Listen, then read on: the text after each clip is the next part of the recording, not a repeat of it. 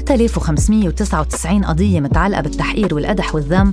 حقق فيها مكتب مكافحة جرائم المعلوماتية المختص بالجرائم السبرانية أو ما يعرف بال cyber crimes.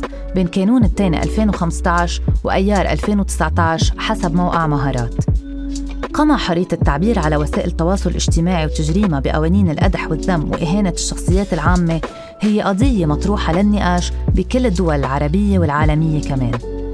بالحلقة الثامنة موضوعنا هو التوقيف بقضايا الرأي والتعبير على وسائل التواصل الاجتماعي واستخدام السلطة لقانون العقوبات لقمع الحريات. وضيفتنا هي المحامية ديما جويحان مديرة التنفيذية للمكتب الإقليمي لمنطقة الشرق الأوسط وشمال أفريقيا إل. ديما جويحان أحكينا قانون ديما كيف بيتم تجريم حرية التعبير على الإنترنت وعلى أي أساس قانوني بيتم استدعاء عادة الناشطين والمغردين آه، للتحقيق معهم بسبب منشورات على صفحاتهم الخاصة على وسائل التواصل الاجتماعي؟ آه، طبعا الأرقام يلي شاركتيها لينا بخصوص القضايا يلي عم بيتم النظر فيها بلبنان آه، مثلها كثير موجود ببلدان عديدة مثل الأردن مثل مصر وهي كلها عم نلاقي إنه هو توجه آه، يعني عم بيزيد آه، في في المنطقة العربية. وهذا كله مبني على القاعدة القانونية اللي اللي اللي بدعمها وجود قوانين اسمها قوانين الجرائم الإلكترونية. هلا آه، جزء من التزامات الدول طبعا إنه هي تحمي الناس آه، وتعاملاتهم ومعاملاتهم آه، عبر الإنترنت سواء معاملاتهم المالية أو تواصلهم من الابتزاز من الاستغلال من السرقة وغيره من الأمور. وأيضا الدول اجمالا كلها عليها التزام بإنه هي تحمي مستخدمي الإنترنت ومش بس فقط الإنترنت مواطنينها أيضا من آه، آه، طبعا خطاب الكراهية من التعرض لخطاب الكراهية والتمييز. للأسف لما صار في تطبيق لهي الالتزامات الدولية من قبل بعض الدول ومنها الدول العربية بنلاقي إنه صار في استخدام لهي المصطلحات لأجل تقييد حرية التعبير عبر الإنترنت. مع إنه لو إحنا بنطلع على القوانين الأخرى مثل قانون العقوبات آه، النصوص اللي بتعالج الذم والقدح والتحقير بنلاقي إنه هاي المصالح آه، المشروعة اوريدي آه، منظمة يعني موجودة أو أو أو, أو يعني تم معالجتها بقوانين معينة ونصوص معينة بموجب قوانين أخرى.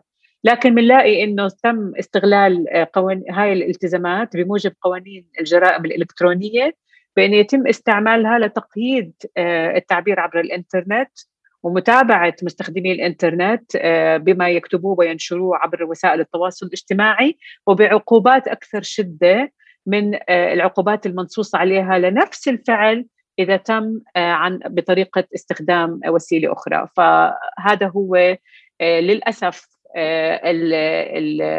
القاعدة القانونية اللي تتم أو الأساس القانوني اللي عم بيتم استخدامه بشكل خاطئ طبعا ومنافي ل آه، آه، التزامات الدولية بحماية الحق في حرية التعبير. يعني هو القدح ولا الذنب يشترط العلنية بالقانون اللبناني وبعتقد نفس الشيء بالقانون الأردني، فهل فينا اليوم نعتبر إنه الصفحة الشخصية هي وسيلة تواصل علنية بنظر القانون وبالتالي عم بيقدروا يطبقوا هالقوانين عليها؟ للأسف نعم لأنه هم بيعتبروا إنه أول شيء طبعا بيعتمد حسب المنشور ال post قد إيه، هل هو موجود ال privacy تبعته in public أو لا. هلأ المشكلة إنه قوانين الجرائم الإلكترونية اللي عم تطلع ما عم تحكي على آه، ما يعني ما عم تأخذ بعين الاعتبار آه، الجمهور آه، مثلا زي عدد ال followers الناس اللي قرأوا ال post مين صاحب الخطاب. هي عم تعمل شيء شامل لأي تعبير أو أي منشور بأي طريقة حتى لو كان على الواتساب. يعني حتى لو كان message على group صغيرة على الواتساب أو بيني وبينك على الواتساب عم بحطوا التطبيقات هاي تطبيقات الهواتف الفيسبوك ال blogs الصحف الإلكترونية عم بيعملوها كلها بشكل متساوي. آه، باعتبار إنه هذا الشيء أثره أكثر إنه الشيء لما يصير على الإنترنت كثير أسرع إنه هو ينتشر آه، ويحقق طبعا الدمج يعني أو الضرر يلي هم عم بيحاولوا إنه هم يعني يقللوه أو يقلصوه بهال بهالنصوص القانونية الفضفاضة. لكن هو بالحقيقة يعني وجوده الكترونيا كثير سهل إنه يتم إزالته ويتم الاعتذار عنه إذا كان خاطئ. لكن طبعا يعني هذا يعني ما بنسجم مع الإجراءات التقييديه اللي عم تاخذها بعض الدول بموجب آه، قوانين الجرائم الإلكترونية. نعم. نعم. أه شو هي العقوبات اللي بتطبق على الناشط أو المغرد على صفحة إلكترونية حسب القانون الأردني؟ وهل هي نفسها بلبنان أو غيرها من الدول العربية؟ هلا طبعا بيعتمد. يعني إحنا أه، المشكلة أه، سواء بالأردن أو بلبنان أو حتى بمصر إنه بنلاقي إنه العقوبة يلي منصوص عليها للتعبير أه، بموجب قوانين الجرائم الالكترونيه تتيح أو بتسمح بالتوقيف. التوقيف إحنا بموجب القانون هو بيتم بالحالات يلي بيكون الشخص فيها خطر على المجتمع. يعني أنت مضطر لعبين ما يتم التحقيق والإحالة للمحاكمة إنك توقف هذا الشخص لا يكف يعني لأنه يكف أذاه زي ما بيقولوا أو يوقف أذاه عن المجتمع مثل حدا قاتل مثل حدا متحرش آه غيره. لكن للأسف العقوبات اللي عم تنحط آه مثلا بالأردن عندنا ما لها حد يعني آه تبدأ من ثلاثة أشهر وليس لها سقف. هذا بيسمح للمدعي العام إنه يطلب التوقيف. فالشخص بيتوقف من أسبوع ممكن تتمدد 15 يوم وممكن تمد لشهر وهو لسه ما تم إحالته للمحاكمة أو اعتبر إنه هو مسؤول عن هذا الفعل مذنب أو غير مذنب. ف فهذا طبعا مشابه له الوضع بلبنان. آه، وطبعا بمصر أيضا يعني كثير من الناس توقفوا سنوات طويلة آه، بموجب هاي المواد الفضفاضة. من غير ما حتى يعرفوا يحالوا المحكمة إنه هم ليش توقفوا ما هو ما هو المنشور أو كيف هذا المنشور مثلا آه، نشر إشاعات أو اساء استغلال مواقع التواصل الاجتماعي أو حرض الجماعات الإرهابية. يعني هاي النصوص الفضفاضة مثل إحنا عندنا بالأردن كمان اللي هو من آه، من من آه، يعني من من من احتوى منشوره بما معناه على أي آه، معلومات مغلوطة أو أو تتعرض لسمعة الشخص. وما بفرق بين هذا الشخص سواء كان شخص عادي أو كمان مثلا شخصية عامة اللي هو مفروض وجودهم بالمنصب يعني يبيح النقد من من قبل على الأداء من قبل يعني عامة الشعب. فهذا كلياته عم بيأثر على على على الناس آه، إنه كيف عم بتراقب حالها وكيف عم بتعبر عن نفسها. بخلال وسائل التواصل الاجتماعي لأنه ليتم البت في إنه هالمنشور عن جد يعني هو عبارة عن جريمة يعاقب عليها القانون أو لا بيكون الشخص تم توقيفه.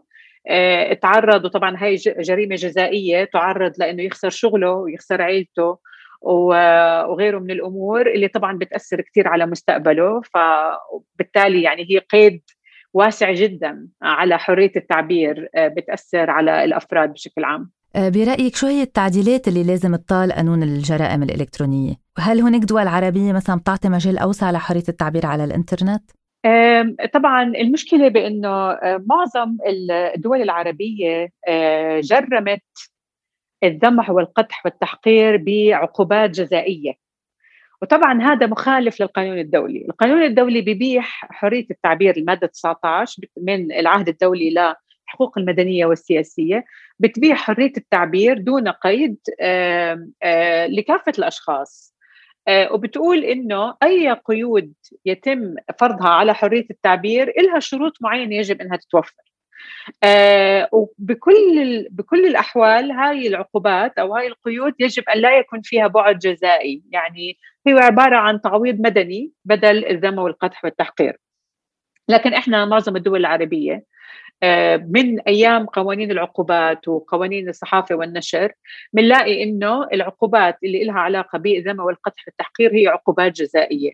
وانسحب هذا الموضوع على عقوبات الجرائم الإلكترونية لتصير كمان أشد كأنه هي تجرم الوسيلة يعني تلتفت للوسيلة ولا تلتفت للفعل.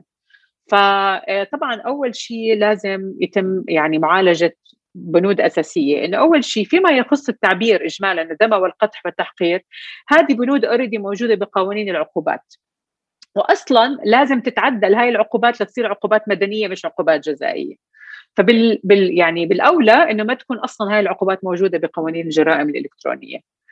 آه الشغلة الثانية إنه إذ ولا بد إنه كان يجب تتم معالجة هاي الأمور بقانون الجرائم الإلكترونية يجب أن تكون العقوبات آه مدنية. اللي هي تعتبر دفع غرامات وغيره أو عفوا تعويض مالي وليس قو... ليس عقوبات جزائية. لازم يكون العقوبات يعني الأفعال اللي عم بتم المعاقبة عليها أفعال محددة جدا وواضحة. إنه أنا قبل ما أقوم بالفعل أكون عارفة إنه إذا أنا اللي راح أكتبه هلأ يخالف القانون أو لا يخالف القانون. استعمال المصطلحات الفضفاضة مثل مخالفة النظام العام الإساءة لسمعة الأفراد زعزعة الأمن الوطني يعني أنا وانت هلأ ممكن نختلف ثلاث ساعات إنه إيش ما الذي يؤثر على سمعة الأشخاص أو لا أو ما الذي يزعزع الأمن الوطني أو لا فهاي مجرد تركها لصلاحية الشخص يلي عم بنظر بالقضية أو بحقق فيها هو يعني مخالف للقانون وبقيد الحق ليه؟ لأنه أنا كصاحبة منشور عم بكتب منشوري وأنا مو عارفة إذا هذا رح يشكل جريمة أو لا لأنه مش مقيدة. يعني هالفعل مش محدد ومش مقيد بشكل واضح بالقانون إنه أنا أقدر أعرف آه، إذا منشوري يخالف القانون أو لا. فهاي الاشياء لازم تتم معالجتها بقوانين الجرائم الإلكترونية اجمالا بلبنان وطبعا بعدد من المناطق العربية أيضا. نعم. صار في حملة ل ل للتوعية على قانون الجرائم الإلكترونية بالأردن وهيدي الحملة كان لها نتائج إيجابية إذا فيك تحكينا عنها شوي. أكيد. آه بالأردن إحنا سعيدين ال ICNL إنه كنا آه جزء من آه حملة وطنية ضد تعديلات جديدة صدرت بال 2018 2019 لقانون الجرائم الإلكترونية. قانون الجرائم الإلكترونية الحالي بلش بال 2015 وفيه مادة المادة الشهيرة اسمها مادة 11 اللي هي فيها الذم والقدح والتحقير الإلكتروني يلي آه، بيعاقب يعني على هذا الفعل من غير سقف للعقوبة وكثير ناس يا حرام منهم مثلا طلاب جامعة يعني كانوا بس عم بيعملوا شير لبوست أو شيء لقوا حالهم إنهم محبوسين يعني وراح مستقبلهم وراح منهم فصل بالجامعة أو كذا من وراء هاي المادة. فاللي صار إنه بال 2018 آه، طلعت طلع عنا تعديلات جديدة لقانون الجرائم الالكترونيه هذه التعديلات كانت لسه يعني رح رح يعني تؤدي لإنه أي حدا ممكن يكون عرضة لإنه يكون بالسجن. آه صار فيها آه بنود أو مواد بتعاقب على شيء اسمه نشر الشائعات. آه بتعاقب على نشر خطاب الكراهية. من غير أي تفسير لأنه إيش هو خطاب الكراهية وإيش هو نشر الشائعات. وبأي وسيلة يعني حتى لو كان على الواتساب حتى لو كان على مش بس بالضرورة يعني على الفيسبوك أو live أو شيء آه، فطبعا هذا صار في حملة كبيرة من جمعيات آه، أردنية من جمعيات دولية مثل ICNL والخبرات الدولية. آه، وأيضا من محامين وأكاديميين. اشتغلنا كلنا على حملة اسمها حريه نت هذه الحملة كانت عم تشتغل لتوعي الناس إنه إيش خطر هالتعديلات. already يعني كيف رح تقيد حرية التعبير؟ ضمن بيئة already مقيدة لحرية التعبير موجودة يعني بموجب قانون 2015 طبعا آه، بعد شغل كم من شهر آه، قررت الحكومة إنه هي تسحب وعملنا كمان عاصفة إلكترونية. نعم هذا آخر شيء عملناه. آه، وكان كل حدا عم بيحكي يعني بمجاله إنه إيش مخاطر هذه التعديلات. سحبت الحكومة القانون تعديلات القانون وطبعا وعدت بإنه هي تعمل مثل استشارة عامة بموجب هاي التعديلات. لكن اللي صار إنه هو يعني انسحبت وما صار في استشارة صار إنه آه، ضل القانون 2015 مثل ما هو المادة 11 الشهيرة لسه موجودة لكن على الأقل إحنا نجحنا بإنه آه، ما يصير في مواد أخرى مقيدة زيادة عن اللزوم.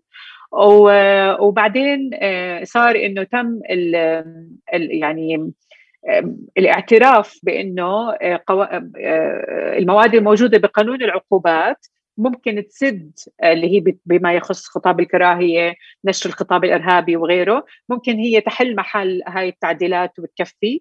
عندنا قلق بإنه كل هاي العقو... هاي المواد عقوباتها جزائية، لكن على الأقل نعتبر إنه هذا هو خطوة ناجحة أفضل آه، من إنه يتم شرعنة هاي القيود بموجب قانون خاص للتعبير عبر الإنترنت ووسائل التواصل الاجتماعي.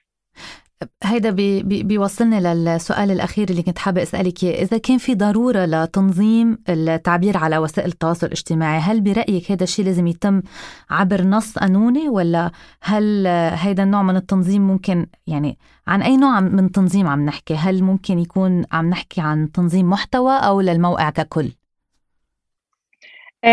هلأ اللي بصير آه، طبعا إنه يعني إحنا بالنسبة للقانون الدولي والقراءات الدولية مثل مثلا آه، المطالعات اللي طلعها المقرر الخاص لحرية التعبير وحرية التجمع وال آه، وتشكيل الجمعيات بنلاقي إنه هم بيجدوا إنه لأجل الحماية من أي يعني إساءة أو يعني أو جرم بدي أسميه عبر وسائل التواصل الاجتماعي أو عبر الإنترنت في طرق أخرى غير إنه يتم سن قانون آه، على أساس إنه تتم مواجهتها.